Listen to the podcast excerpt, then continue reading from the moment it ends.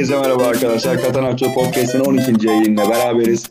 Bugün bir tık daha kısa bir yayın yapmaya karar verdik. Ee, Galatasaray'ın yaptığı Jean-Michel Seri transferiyle Fenerbahçe'nin yaptığı Geri Mendes Rodriguez transferlerini değerlendirip bugün için yayınımıza son vereceğiz. Abi ee... ha, bu arada söylemeyi unuttum yanımda Can var. Evet abi sen ne düşünüyorsun Jean-Michel Seri transferi hakkında? Abi yani son yıllarda Türkiye'ye gelmiş en acayip transferlerden biri zaten. Hani onu hiç tartışmaya bile gerek yok. Geçen e, Transfermarkt verilerine göre de işte bakıldığı zaman güncel piyasa değeri olarak Türkiye'ye gelmiş en yüksek piyasa değerine sahip oyuncu da oldu seri. İşte 25 milyon euroluk bir piyasa değeri var şu an. Abi çok iyi transfer ya. Yani düşününce ligin kalitesinin çok üstünde bir oyuncu zaten. Onu hiç konuşmaya tartışmaya bile gerek yok. Ama Galatasaray'ın da tam aslında isteyeceği tipte bir oyuncu. Şimdi Galatasaray geçen hafta Fernando'yu sattı Sevilla'ya. Ama şimdi seri onun yerine alınmış bir oyuncu değil. Önce zaten onu bir iyi tartmak lazım. Yani oyun yapısı olarak birbirinden çok daha farklı iki isim. Hani seri daha NDI'ye yerine alınmış gözüyle bakıyorum ben şu an ki saha içinde aldığı görevlerde zaten NDI ile serinin daha paralel.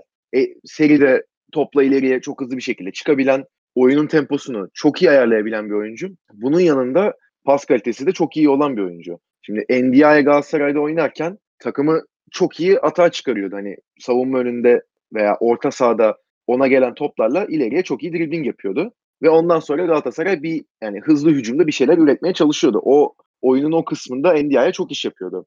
Ndiaye'nin ama Galatasaray'da bu oyun yapısında oynarken getirdiği bir sıkıntı ileriye çok haldır haldır koşuşturduğu için geride boşluklar bırakıyordu. Fernando o boşluğu kapıyordu. Veya oynadığı zaman Donk da bir tık en azından o boşluğu kapıyor, kapamaya çalışıyordu. Ama takım hızlı ileriye çıktığı zaman NDI'de o kadar öyle topla şuursuzca ileriye koştuğu zaman e, sonuçta defansı da kendisiyle beraber ileriye çıkartıyor ve bir top kaybında Galatasaray hızlı hücumdan atak yiyebiliyordu ve orta sahası bayağı boşluk veriyordu. Şimdi seri bunu yapacak bir oyuncu değil. O da topla ileriye evet çok hızlı çıkabiliyor dedim. Ama o daha bir bilinçli şekilde yapıyor bunu. Bir de şöyle bir durum da var. NDI'nin her ne kadar Türk Ligi'nde çok iyi performans gösterse de takımın hızlı oynarken e, ritim bulmasına çok yardımı dokunsa da NDI'nin pas yeteneği o kadar da yüksek değildi. Yani evet arada bir iki güzel çalım atıp bir ara pası verip asist yapabiliyordu. Geçen sezon Galatasaray mesela Sivas'la oynadı içeride 4-2 kazandığı maçta Feguli'ye çok güzel bir asist yapmıştı. Ama işte onu yılda bir kere yapıyor. Ve mesela oyun kitlendiği zaman yani Galatasaray'ın karşısındaki takım savunmaya çekildiğinde beraberliği oynadığında veya rakip takım öndeyken kapanıp beklediği zaman defansa Ndiaye biraz orada daha işlevsiz duruma geliyordu hep. Çünkü orada kendi hünerini sergileyeceği bir oyun oynanmıyordu. Yani orada Ndiaye'den oyun kurması çok beklenemiyor. Yani kurmaya tabii ki çalışıyordu ama ne kadar kurabiliyordu orası tartışılır. Şimdi serinin en çok bence etki yaratacağı noktalardan biri bu. Hani oyun temposunu evet belirleyecek ama karşısında kapanan bir rakip gördüğü zaman da Galatasaray geçen sezon bu bu tarz rakipleri açmakta çok zorlandı. Seri işte burada açabilecek oyuncuların en başında gelecek. Belhan da o işi çok yapıyordu Galatasaray'da ama Belhan da sakatlandığı zaman veya kart cezalısı olduğu zaman veya gününde olmadığı zaman o işi yapabilecek ikinci bir oyuncu bulmakta çok zorluk çekiyordu Galatasaray. Şimdi Feguli de bunu yapıyor ama Feguli sonuçta bir kanat oyuncusu. Ve hani tamam ortaya çekebilir Fatih Terim onu ama o zaman da hani kanada kimi koyacağız gibi bir sıkıntı yaşıyordu. Seri direkt orada Belhanda ile beraber o işi üstlenecek bu sene. Ve hani e, yan pasları olsun, daha uzun topları olsun. Onlarla ben çok büyük etki yaratacağını düşünüyorum. Ve ayrıyeten NDI'ye, yani NDI ile kıyasladım sonuçta. Onun yerine geldiğini düşündüğüm için. NDI'den farklı olarak şut da çekebilen bir isim. Uzaktan bulduğu zaman şutunu da atıyor. Hani iyi vurur, kötü vurur. O başka bir şey. İyi vurduğunu da düşünüyorum ben. Ama yani Galatasaray'ın oyununa ben çok fazla şey katacağını düşünüyorum. Geçen sezon Fulham'da çok iyi bir sezon geçirmedi. Zaten çok iyi bir sezon geçirse Galatasaray'a gelmezdi diye düşünüyorum. Daha farklı bir transfer yapardı. Veya Fulham ligde kalsaydı Premier Lig'de devam ederdi futbol kariyerine. Ama geçen sezon şimdi tabii Fransa'dan geldikten sonra bir de bir Barcelona transferi çok konuşulmuştu onun. E, o transfer olmadı. Onun üstüne e, Fulham'a rekor bedelle geldi. 30 milyon euroya geldi. E, ondan sonra tabii Premier Lig'e adaptasyon süreci biraz daha farklı oluyor oyuncuların. Hani orada oynanan oyun daha fiziksel kalite çok yüksek orada. Oraya bir adapte olmakta sıkıntı yaşadı ki zaten hani fiziksel açıdan da e, çok fizikli bir oyuncu değil. Hani 1.68 veya 1.70 boyunda olması lazım zaten. Hani fiziğiyle oynayan bir oyuncu değil en başında. Ki ilk 10-12 maç da iyi başlamıştı. Ama ondan sonra tabii hani Fulham'ın oyun düzeni sürekli değişti. Bir 4-3-3 oynadılar. O 4-3-3'ün daha e, merkezdeki üçü de sol içte oynayan oyuncuydu seri. Orada zaten iyi iş yapmıştı 10-12 maç. Ama ondan sonra Fulham'da da tabii istenilen sonuçlar gelmeyince Fulham'da bir taktiksel değişikliğe gitti. 4-4-2'ye döndü. 4-4-2'ye döndükten sonra da e tabii arkasındaki defans oyuncuları sürekli değişti. Yanında beraber oynadığı orta saha partnerleri de sürekli değişti. Öyle olunca bir uyum ve ritim yakalayamadılar. Ve böyle olunca da serinin performansı aşağıya gitmeye başladı. Ki sonra üçlü savunmaya bir döndü Fulham. 3-4-3 oynadılar. 3-4-2-1 oynadılar. Ama yani o ritmi bir türlü taktiksel açıdan Fulham tutturamadı. Ki sonra zaten iki kere de teknik direktör değişikliğine gittiler. En sonuncusunda da Scott Parker geldiğinde yanlış hatırlamıyorsam seri zaten artık 7'ye düşmüş duruma gelmişti. Ve zaten hani ligden de düşmeyi neredeyse garantilemişlerdi. Ama işte geçen sezonki o Fulham performansını çok baz almamak lazım. Dediğim gibi sezona iyi başlamıştı. Ama ondan sonrasında o takımın genel bir çöküş trendine girmesi serinin de performansını tabii ki kötü derecede etkiledi. Yani bir de orada belli bir harmoni yakalayamadıktan sonra e, oyuncu da yani ben bu hafta bununla oynadım da haftaya kimle oynayacağım? Arkamda kim oynayacak? Önümde kim oynayacak diye düşününce belli bir oyununu oy, belli bir oyun planına sadık kalamadığı da için sahaya istediğini yansıtamıyor. Sen ne düşünüyorsun? Nasıl transfer sence? Yani işin Premier Lig'deki teknik boyutunu aslında bana kalırsa oldukça güzel şekilde inceledin. Ben de serinin teknik kapasitesinin NDI'den çok daha üstün olduğunu düşünüyorum. Fakat dediğin gibi yine NDI'nin NDI'nin yerine gelen bir oyuncu ama NDI ile kıyaslanmaması gerekiyor bana kalırsa. Yani hücum aksiyonlarında Galatasaray'ın hücuma yerleşmesine çok daha etkili olabilecek bir isim. Bu kapalı savunmalara karşı yapılan hücum organizasyonlarında sadece geçen sene değil ya da şampiyon tamamladığı son iki sezonda değil, öncesinde de uzun vadede ciddi problemleri olan bir takım Galatasaray. Yaratıcı ayakları olmasına rağmen Belhanda gibi. Hatta zaman zaman Fernando'nun bile e, hücuma çok doğru katkıda bulunduğunu, sağ bekten Mariano'nun destek verdiğini, Feguli gibi kaliteli ayakları Feguli gibi kaliteli de bir ayağı olmasına rağmen düşündüğün zaman kapalı savunmalara karşı açmada sorun yaşıyordu Galatasaray yıllardır. Öncesinde Burmalı dönemden tut, Wesley Snyder'in takımda olduğu dönemden tut çok uzun yıllardır kapalı savunmayı açmakta sıkıntı yaşayan bir Galatasaray var. Bu sezon şampiyonluğa gittiği yolda çok kritik bir dönemiş olan Konya deplasmanında yaşadığı tek, tek bir pozisyon bulamadan kaybettiği maç, beraber bitirdiği maçı da hatırlıyoruz. O yüzden e, seri orada çok kritik. Evet Ndiaye'nin yerinde oynayacak. Ndiaye'nin yerine gelmiş bir isim. Ama Ndiaye'den daha kritik. Ndiaye'den daha yetenekli, Ndiaye'den daha teknik, Ndiaye'den daha fazla hücuma katkı verecek bir isim. Tek bir soru işaretim var benim bu noktada. Sonrasında konuyu başka bir taraftan inceleyeceğim. Bunu sana sormak istiyorum.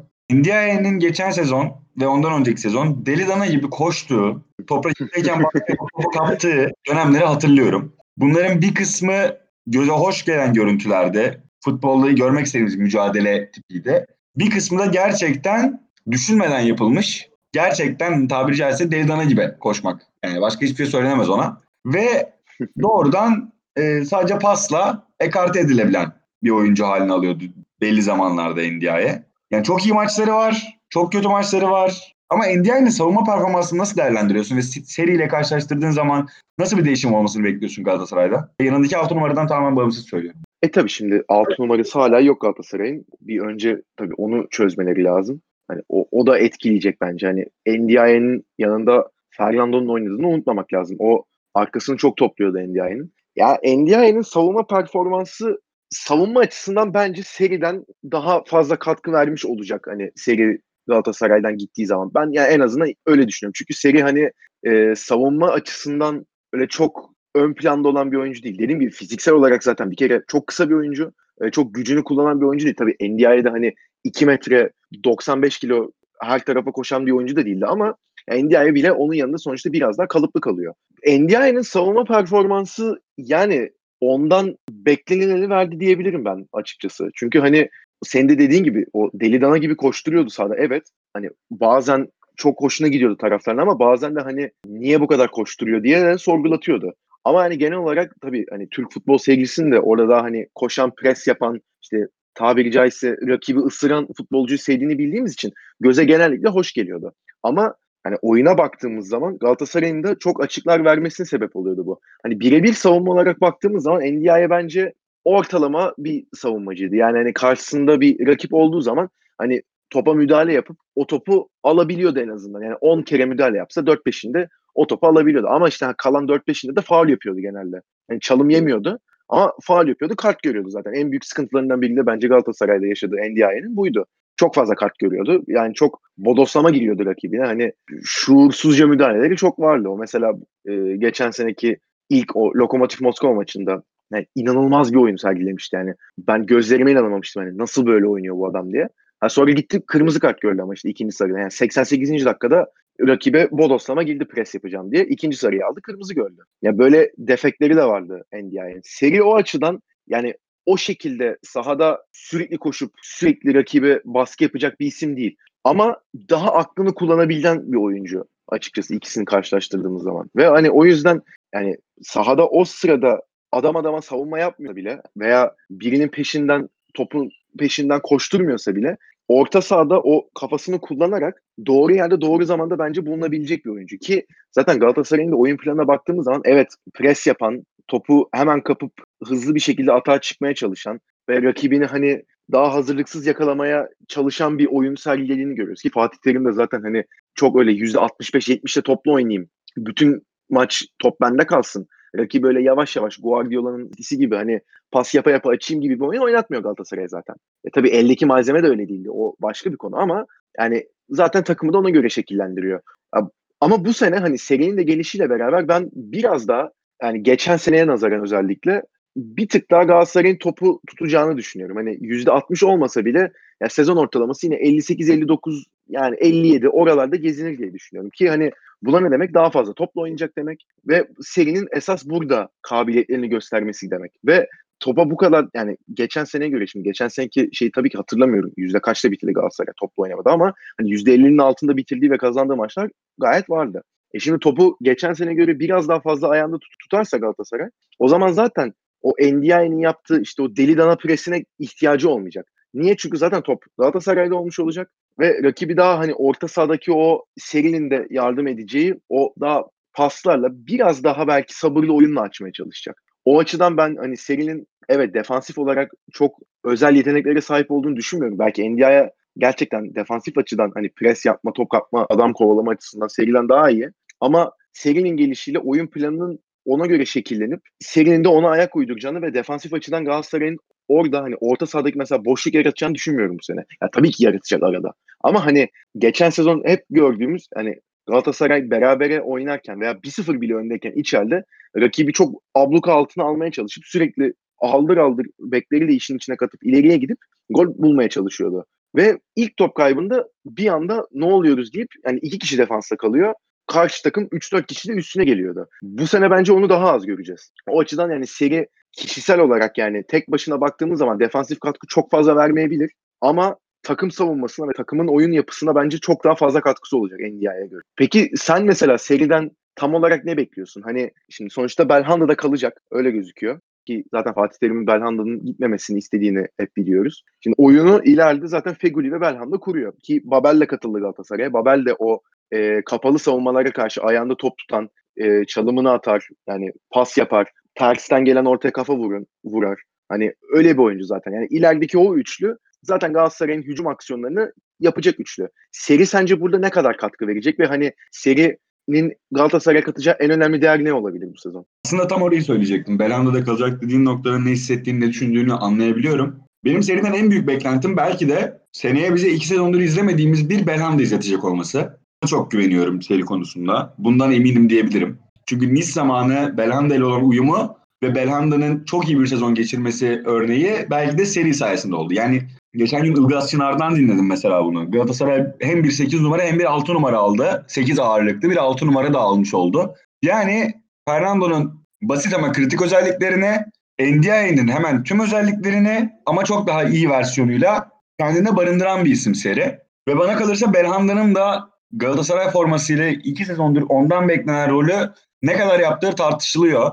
Hatta zaman zaman kendisi de çıkıp benden gol asist beklemeyin, az bekleyin, ben bunu bu kadar yapan bir insan değilim açıklamaları yapıyordu.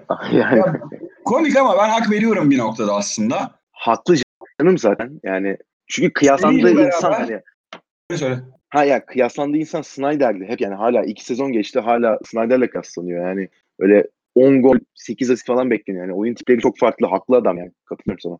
Bana kalırsa seriyle beraber gol asist katkısı artacak Belanda'nın. Yani seri Belanda'nın işini de çok rahatlatabilecek bir isim. İşini rahatlatması bir kenara ona çok fazla destek de olabilecek bir isim. Birbirlerini çok tamamlayacaklar gibi bir his var içimde.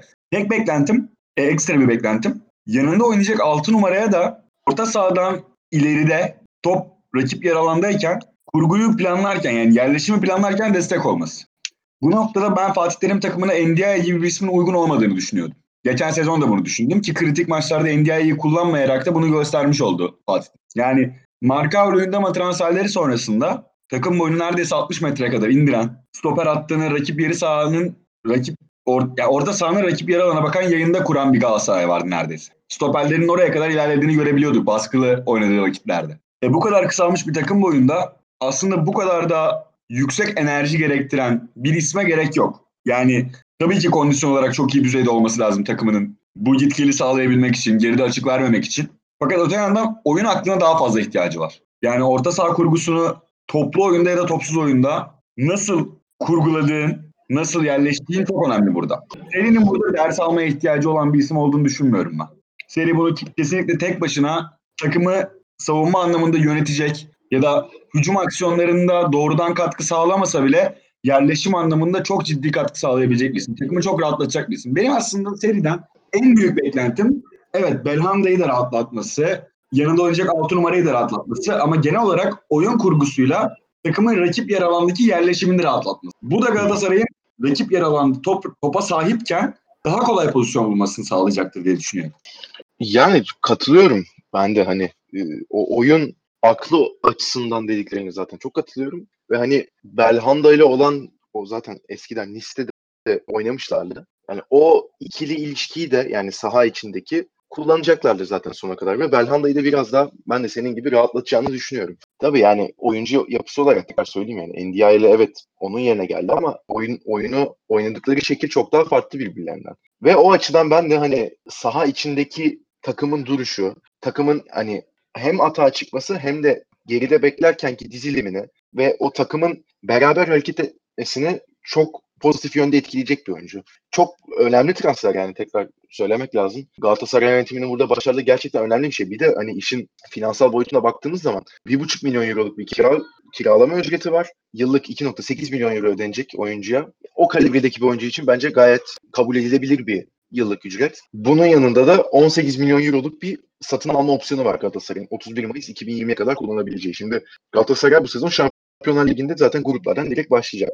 Tabii daha kuralların çekilmesine yaklaşık bir buçuk ay var ama yani çok zorlu bir kura çekse de veya kendi dişine göre bir kura çekse de sonuçta 6 tane Şampiyonlar Ligi maçı oynayacak Galatasaray. Ve serinin de Galatasaray'a gelmesindeki en büyük etkenlerden birinin Şampiyonlar Ligi olduğu zaten açık. Kendisi de söyledi. Hani Şampiyonlar Ligi'nde oynamak için çok hevesli olduğunu, e, o sahnede artık süre almak istediğini ve o yüzden Galatasaray'ı tercih ettiğini zaten kendisi söyledi.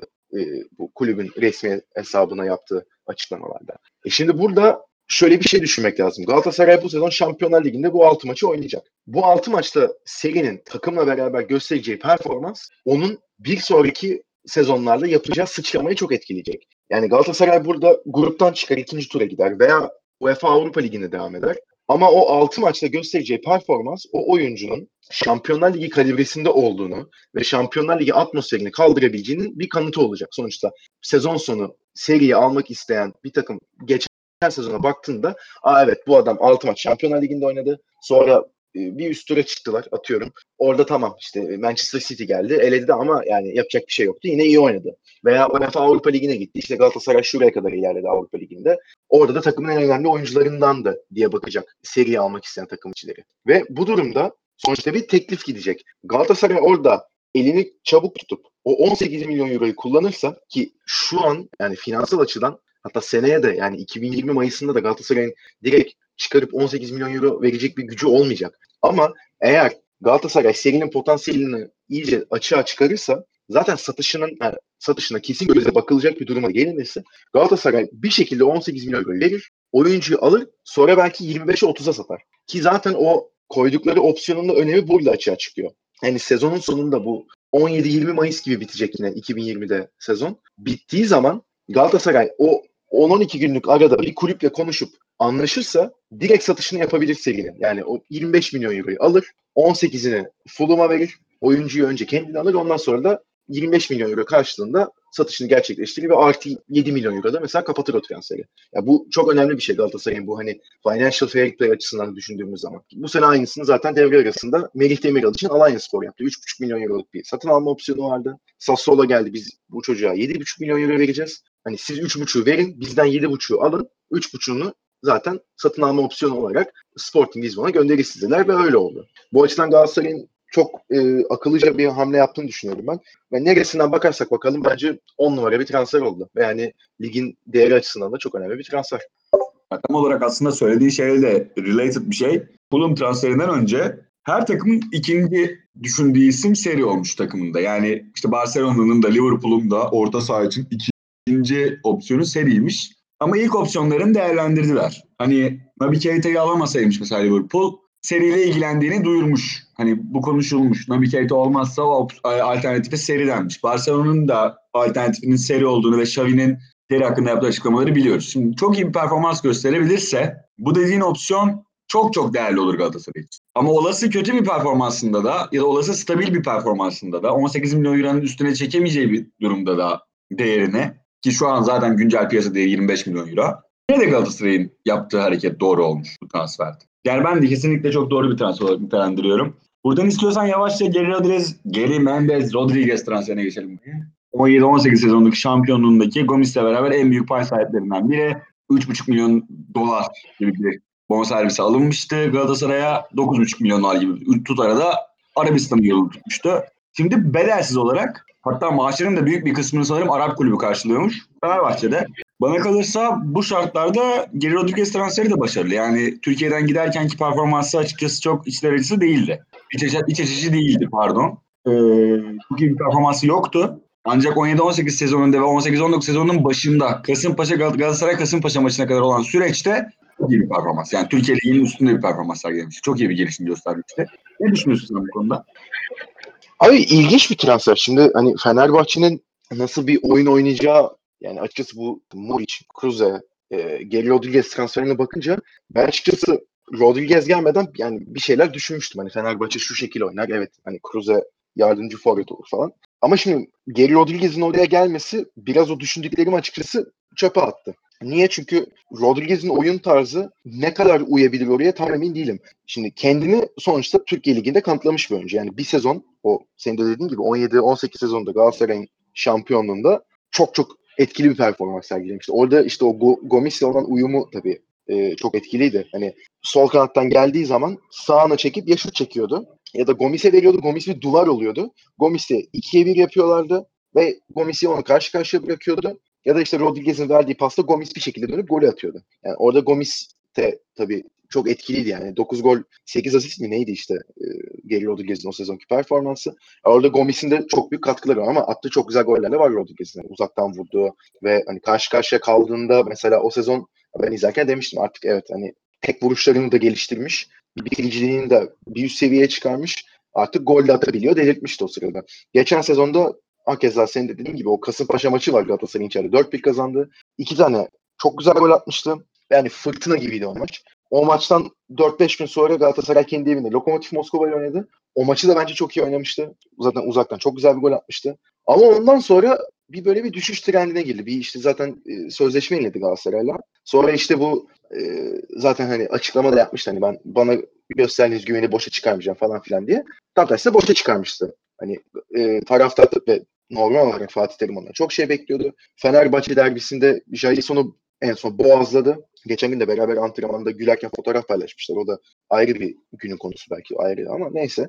Ee, o maçta da 3 maç ceza almıştı zaten oynayamamıştı. Ve o 3 maç cezayı aldıktan sonra da bir türlü ritim tutmadı zaten. Şampiyonlar Ligi'nde denedi Fatih Terim onu ama e, beklenen katkıyı veremedi ve devre arasında da işte 10 milyon dolara Arabistan satışı gerçekleşti ki bence doğru da bir satıştı Galatasaray açısından. Hani Onyekuru'dan oradan daha farklı bir skor katkısı alıyorlardı. Fenerbahçe açısından düşündüğümüzde de yani dediğim gibi Türkiye Ligi'nde sonuçta öyle ya da böyle kendini kanıtlamış bir oyuncu.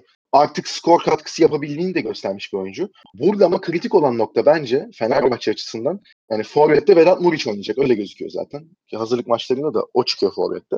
Kruse biraz daha tahmin ettiğimiz gibi onun arkasında olacak. Yani işte o dediğimiz gibi 10 numara ve santrfor arasındaki oyuncu olacak. Ne tam bir 9 ne tam bir 10. Oradaki o işte bağlantıyı iyi ayarlayabilecek mi geri Rodriguez? O çok önemli. Çünkü bu Galatasaray'dan gitmeden önceki son maçlarında artık fark edilmişti. Hani bu adam topu sonuna çekmiyor. Sol kanattan kanada inip sol ayağıyla orta yapmıyor. Sol ayağını kullanamıyor. Ne yapacak? Sağına çekecek. Sağına çektiği zaman da ya şut çekiyor ya da dediğimiz gibi forvete pas veriyor. Bunu rakip savunmalar çözmüştü.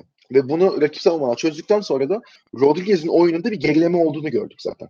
Şimdi Fenerbahçe'de bu özelliklerini devam ettirirse eğer rakip savunmaların tekrar dediğim gibi onu çözmesi çok uzun bir süre almayacak. Çünkü hani yaptığı şeyler evet çok iyi katkılar veriyor ama hani çok fazla atacağı kurşunu yok. Hani belli bir iki özelliği var.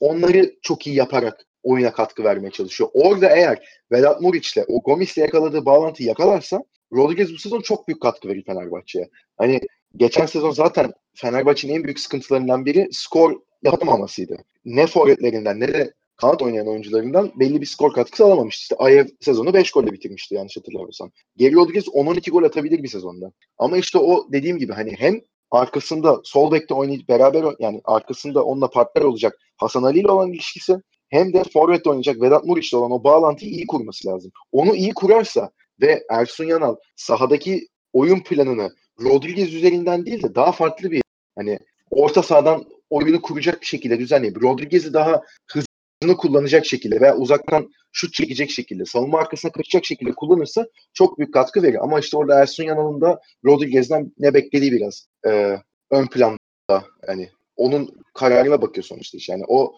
en verim alabilecek kişi sonuçta Rodriguez'den. Sen ne düşünüyorsun abi? Yani Galatasaray'da çok iyi bir sezon geçirmişti dediğin gibi. Geçen sezon daha hani performansı düşüktü. Ondan sonra satıldıktan sonra da e, iyi de ayrılmıştı Galatasaray taraftarıyla. Şimdi bir kere zaten Fenerbahçe gelmesi tabii Türkiye ortamında zaten sansasyonel bir şey. Ne katacak sence Fenerbahçe'ye? Yani orada en kritik şey aslında uyum.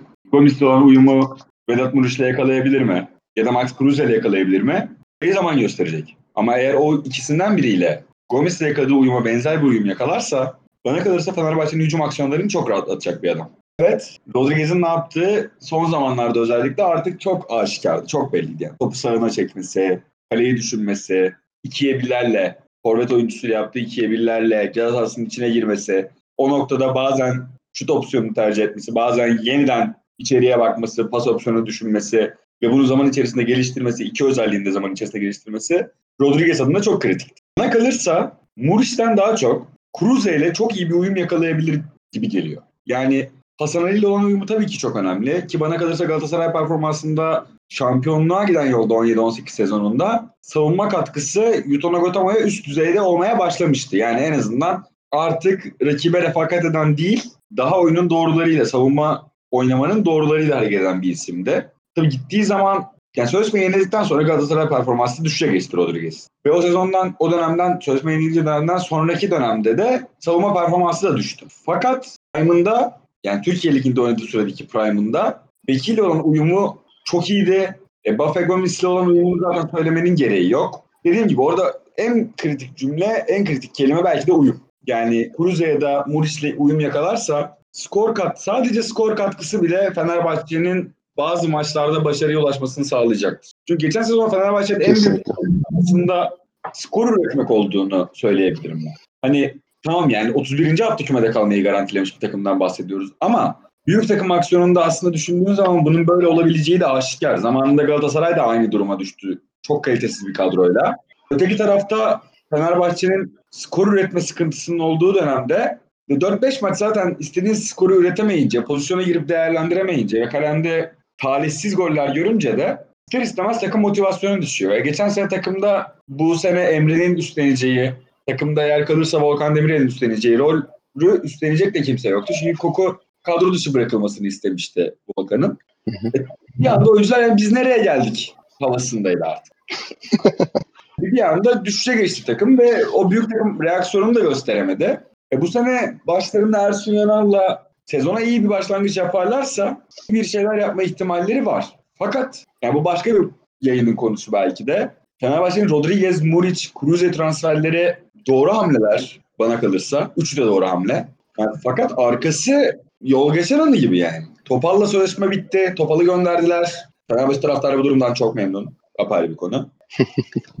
e, geçen sezon rotasyon oyuncusu olarak kullandıkları bir isme 18 milyon euro civarı bir paraya Napoli'ye satıyorlar. O da çok büyük transfer başarısı ya. Nasıl yapıyorlar anlamıyorum vallahi. Helal olsun. O Neyse. çok ilginç şey ya. 18 milyon euroya onu da satıyorlar. E böyle bir kaliteli ayaktan da yoksun kalacaklar. Yani 18 milyon euroya sattıkları bir isim Türkiye'den Napoli gibi bir takıma. Kaliteli bir ayaktır herhalde. Ben pek Türkiye'de gözlemleyemedim yani o performansını. Neyse. Ondan da yoksun olacaklar bu sezon. Yani orta saha rotasyonunda bir Emre var. Tamam geçen sezon şampiyonluğu oynayan takımın orta sahasının bel kemiği. Onsuz hiçbir şey yoktu yani Başakşehir'de. Ki yaş orta ya yaşı çok iyi, yaşı çok yüksek olmasına rağmen performansı sezonun belli bir noktasına kadar çok iyi düzeyde devam ediyor.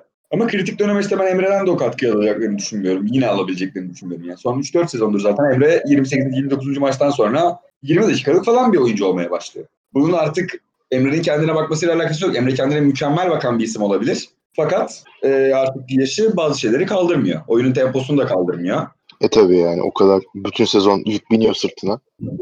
E, Jailson'u beğeniyorlar ama tartışılır. İyi oynadığı maçlar oldu. Ama çok kötü oynadığı, Fenerbahçe'ye yakışmadığı maçlar da oldu. Ya orta saha rotasyonunda Tolga ile Emre aslında şu anda Fenerbahçe'nin en güvenilir ismi. E savunmaya zaten girmiyorum yani. Şimdi bu şekilde söylediğin zaman Fenerbahçelerin tepkisini çekiyor olabiliriz belki ama ben Fenerbahçeli arkadaşlarımla konuştuğum zaman da aynı cevabı veriyorlar yani. Hani Ramos Puyol ikilisi orada hiç güven vermiyor yani. Abi gerçekten uzun vadede çok büyük sıkıntı Fenerbahçe için ki bana kalırsa Avrupa'da bu sezon yer alacak olsalar çok çok daha büyük tehlikeydi onlar adına. Yani çok kötü maçlar sonuçlandırabilirler. Öte yandan son bir şey ekleyeceğim sonra lafı, sözü sana bırakacağım. Hı hı. Bugün aldıkları UEFA cezasıyla sattığın kadar al uygulaması geri geldi. E yaklaşık 4 milyon euro Vedat Muriç'e bir para verdiler. Geri Rodriguez'e sanırım bir bedel ödemiyorlar. Cruze'ye bir bedel Yok. ödemiyorlar. Başka transfer yaptılar mı tam olarak hatırlamıyorum ama şu anda Elif'i de sattıklarını varsayarsak 12-13 milyon euroluk bir paraları var. İyi bir stoper hattı kurmak zorundalar. İyi bir rotasyon kadrosu kurmak zorundalar ve iyi bir orta saha oyuncusu almak zorundalar. Sezonun devamını sürdürebilmek için. Sen ne düşünüyorsun bu konuda? Ya abi yani o orta saha ve defans rotasyonu evet ben de hani konuştuğum zaman Fenerbahçe arkadaşlarımla hani soruyorum yani hani tamam güzel hücum açısından zaten bir, bir yenileme gerekiyordu takıma hani geçen seneki fiyaskodan sonra. Ama diyorum yani hani mesela Geri Rodriguez mi öncelikti yoksa yani bir orta saha mı diye sorduğum zaman yok yani hani şu an Jailson var, Emre var, işte Tolgay var. E, yani hala Zayt var. Onlar Alper var. Yani idare eder ama hani defans ikilisi peki dediğim zaman şu ana kadar hep yani bir buçuk aydır e işte Kolarov geliyor. Kolarov gelecek zaten o oynayacak şeklinde şeyler cevaplar aldım ama Kolarov'da yok bir buçuk aydır. Hani Haziran ayının başında daha 2-3 Haziran'da zaten Kolarov Fenerbahçe'de diye açıklamalar yapıldı. Kolarov bayağı gitti Roma'yla kamp yapıyor. Maça çıkıyor. Hiç ayrılacak gibi bir durumu da yok şu an anladığım kadarıyla. Hani Fenerbahçe o transferi bedavaya getirmeye çalışıyordu. Sözleşmesi olan bir oyuncuyla. O da zaten değişik bir şey. Her neyse eee o iş zaten şu anlık yok yani. Oyuncuyla anlaşıldığı konuşuldu hep ama yani ortada hala bir şey yok. Ağustos ayına geldik neredeyse. Sonra Kehrer ismi tekrar ortaya çıktı. Kehler'in de Fenerbahçe'den yıllık 4 milyon euro istediği net söylendi. Onu şu an karşılayacak durumda değil Fenerbahçe. Ki zaten hani Türkiye'de şu an herhangi bir kulüp yıllık 4 milyon euro bir oyuncuya verebilir mi? O zaten muamma. Yani Feguli bir tek 3.9 milyon euro alıyor yıllık. Onun harici zaten oralarda o fiyatlarla alan başka bir oyuncu da yok. E şimdi orta sahaya bakıyoruz. Senin dediğin gibi Emre var evet ama 39 yaşında ve üstüne çok fazla yük bindiği zaman kendine her ne kadar iyi bakıyor ol- olursa olsun ki bence hani Türkiye'deki hani 80 milyon vatandaşa bakalım ilk ona girer herhalde. Kendine daha iyi bakan o adamdan herhalde çok çok yani bir elin parmaklarını geçmez. Yani bu yaşında bu eforu hala sahaya yansıtabiliyorsa ya buna saygı duyacağız ve hani takdir etmekten başka da yapabilecek hiçbir şey yok. Çünkü hakikaten hani o 30 maç 28 maç artık bütün eforunu veriyor sahaya. Ondan sonra ama yani yapacak bir şey yok sonuçta 39 yaşında. Hani vücut artık bir yerden sonra ya kusura bakma diyor Emre hani gitmiyor ayağın artık diyor. Ve zaten hani mesela iki senedir görüyoruz. Yani Galatasaray maçında geçen sene gördük. Ondan önce yine son haftalarda oynanan bir maçta o baldırı gitti. Yani o kasık ve baldır bölgesindeki o sakatlık nük, yani nüksediyor. Bir sıkıntı yaşıyor son haftalara girildiğin zaman. Yapacak bir şey yok ona hani yaş gereği. E Jailson yani evet iyi maçları oldu ama Joseph de Souza'nın yerini asla kapatabilmiş bir oyuncu değil. Çok daha genç katılıyorum ama geçen sene belki de takımın olduğu durumdan dolayı o istenilen performansı gösteremedi. Ama hani geçen seneye baktığımız zaman hani Jailson'un en ön plandaki olayı neydi diye sorduğun zaman ben Galatasaray maçında çıkardığı kavga derim. Yani başka hani saha içinde öyle benim aklıma kalacak bir hareket yapmadı. E Tolgay desen zaten devre arasında çok büyük beklentiyle getirildi. 3,5 milyon euro kadar da bir bonservis ödendi. Pek bir şey katmadı açıkçası Fenerbahçe ki zaten Ersun Yanal'ın istediği bir transferdi. Ersun Yanal kendisi yedek bıraktı zaten.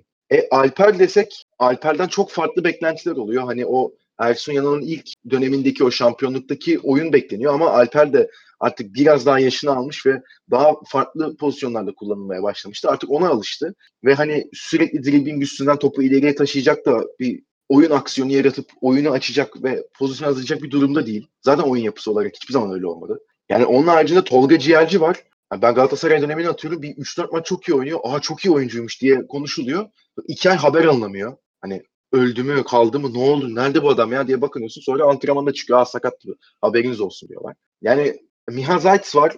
Ersun Yanal'ın çok istemediği bir isim olarak hep konuşuldu. Ama aldığı vakitler, e, aldığı sürelerde bence iyi iş yaptı. Fenerbahçe orta sahasındaki bence şu an en kaliteli isim Miha Zayt. Ki ondan ben açıkçası Ersun Yanal'ın onu kullanmasını düşünüyorum. Yani teklifler olduğu da konuşuluyor ona. 8-9 milyon euroluk. Satabilirler tabii ki ama bence kaliteli bir isim ve hani geçen seneki o 3-0'dan 3-3 yaptıkları Beşiktaş maçında da mesela o maç çok iyi oynamıştı. Ondan sonra da hani süre aldığı vakitlerde bence sahaya iyi şeyler kattı. Ama yani orta saha bu durumda. E, stoper zaten hani Kolarov ortalıkta yok. Keyer gelecek mi gelmeyecek mi belli değil ki gelmeyecek gibi gözüküyor. Hani stoper ikilisi şu an Fenerbahçe'nin Sadık'la Serdar. Yani sezonun peki hani belli bir kısmında kullanılabilir ama ikisine de baktığımız zaman şimdi Sadık bir kere lider karakterli bir oyuncu değil. Bence hani her savunmanın bir tane en azından lider karakterli bir oyuncuya sahip olması lazım. Beşiktaş'a bakıyoruz zaten Pepe vardı. O gitti Domagoj Vida aynen o şekilde bir oyuncu. E, Galatasaray'da zaten Markao bu görevi üstleniyor.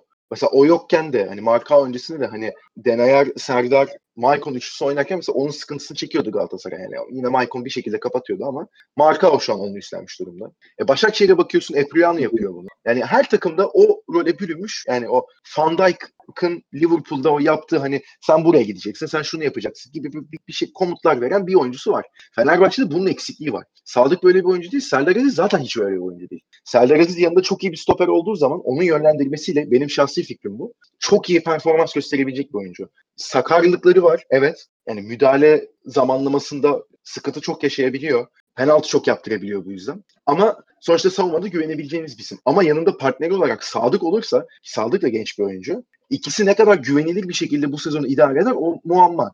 Ve esas işin kritik noktası şimdi Serdar sezonun yarısını sakat geçiren bir oyuncu. E stoper yedeği yok her halükarda Fenerbahçe'nin en az bence iki stoper alması zaten gerekiyordu. Daha bir tane bile almadılar. Yani Kolarov da gelse ki Kolarov bir stoper değil. Onu stoperle değerlendirmek istediği söyleniyor Ersun Yanal'ın ama Manchester City bunu denemişti ve hani felaket olmuştu. Tamam Manchester City'nin oynadığı oyun çok daha farklı. Tabii ki Pep Guardiola değil Ersun oynattığı oyun felsefesi de farklı ama orada olmamıştı. Ve hani Kolarov da sonuçta sol bek ama çok ofansif bir bek ileriye çok da giden bir oyuncu. Yani ister istemez stoper oynasa bile ileriye gitmeye çalışacak ve orada boşluk yaratabilecek bir sıkıntısı var.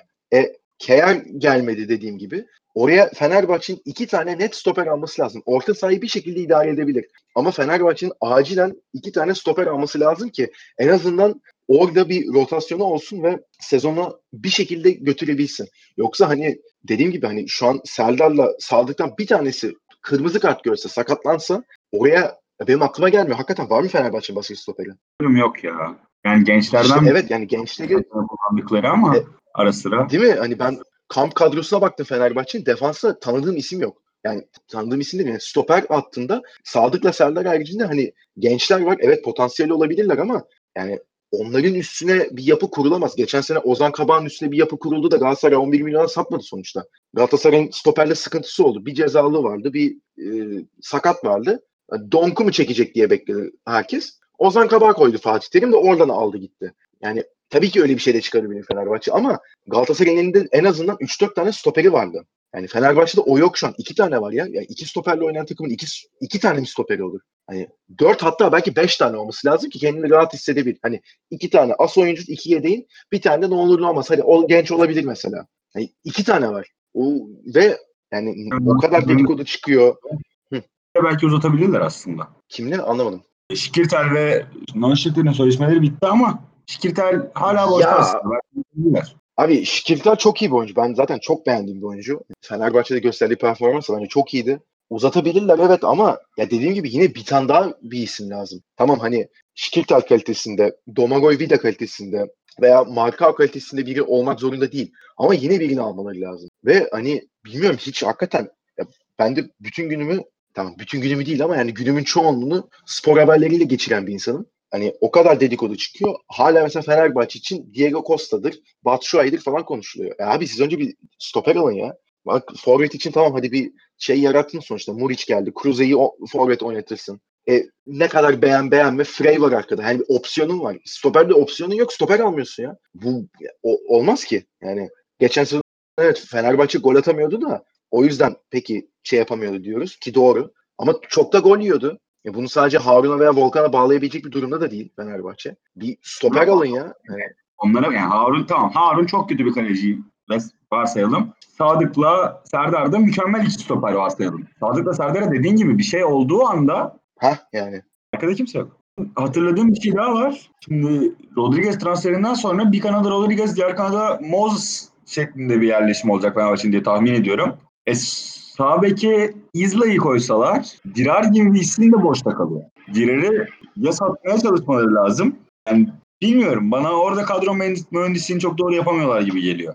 Yani Dirar'ı oynatıp Izla'yı yedek bırakmak maliyetli iki oyuncu için ne kadar doğru tartışılır. Hakeza aynısı Galatasaray'da da var şu anda.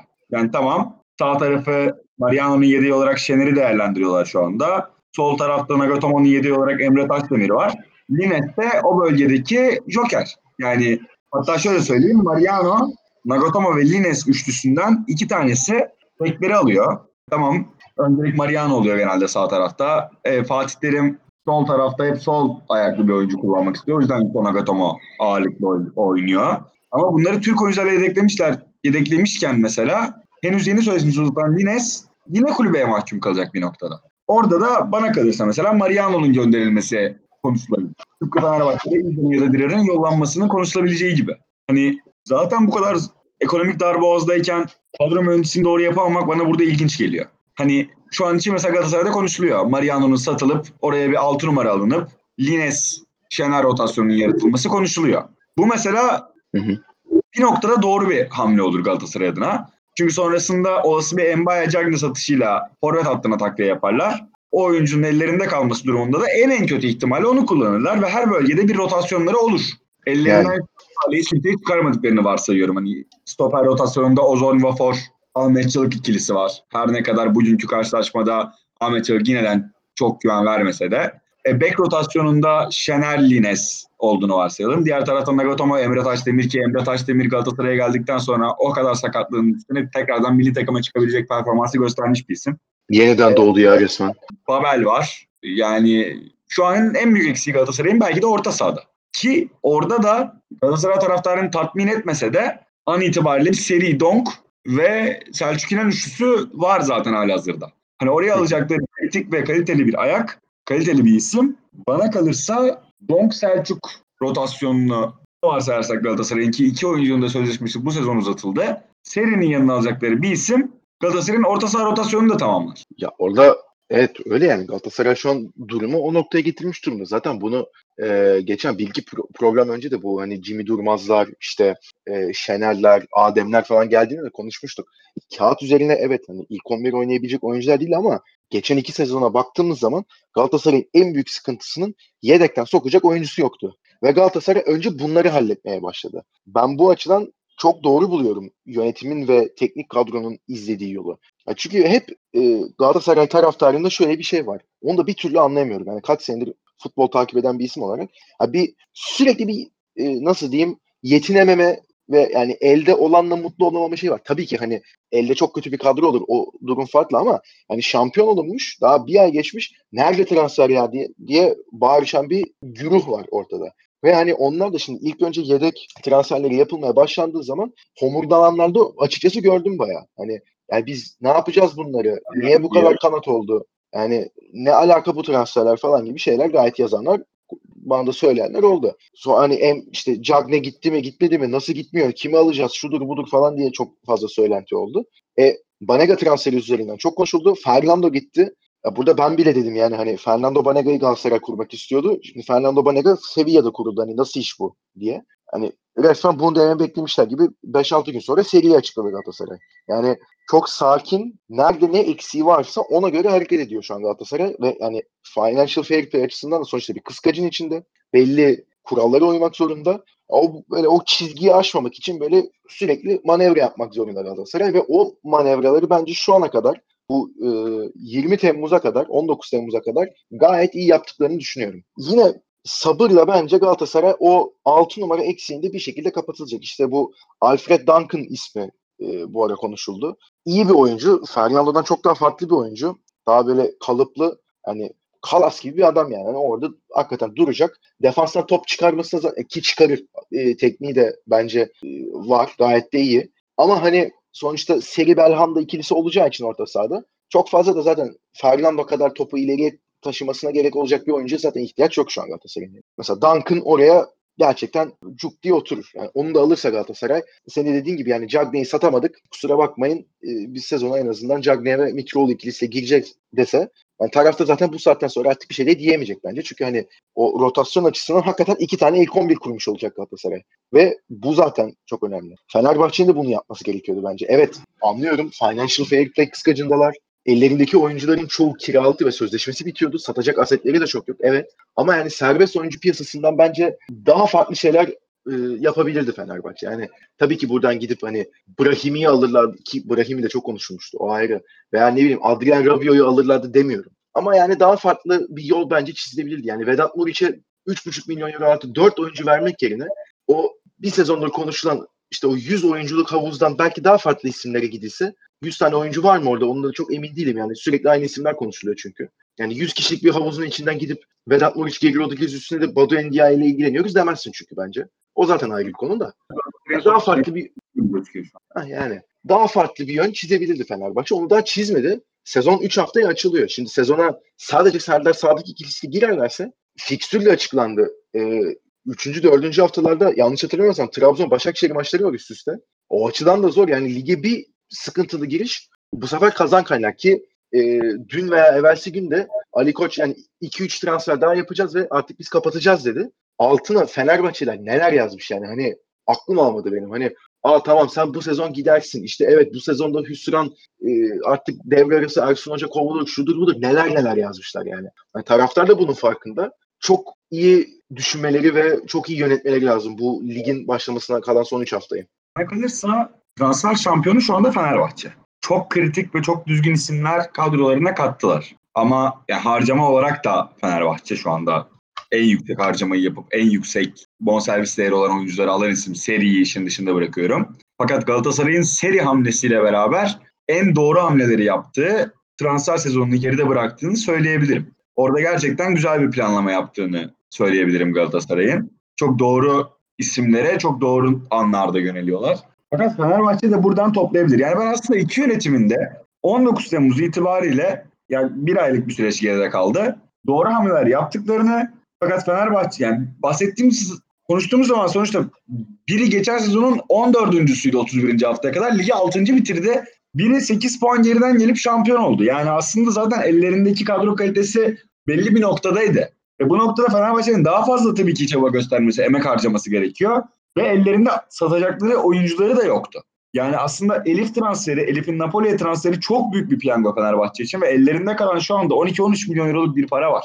Bu parayı eğer doğru değerlendirirlerse yeniden belki şampiyonluk yarışında olabilecekleri, ikinciliğe, o, ikinciliğe oynayabilecekleri en kötü ihtimalle yani şampiyonluk ön elemesine katılmak adına e, bir duruma gelebilirler. Bu sezon onlar için çok kritik, son derece kritik. Çünkü tamam yani 10 senedir yoklar Şampiyonlar Ligi'nde belki ama bu sezon Şampiyonlar Ligi'ne katılmaları belki de UEFA'dan aldıkları cezayı bugün açıklanan UEFA'dan aldıkları cezayı bir nebze olsun önümüzdeki dönemleri için bertaraf etmeleri anlamına gelecek. Yani Beşiktaş açısından düşündüğümüz zaman bunu yani Beşiktaş'ın da at sattığın kadar al cezası vardı bir dönem. Onlar da ciddi borç batağındaydı. UEFA ile araları papaz olmuştu. İki sezon üst üste Şampiyonlar Ligi'ne katıldılar.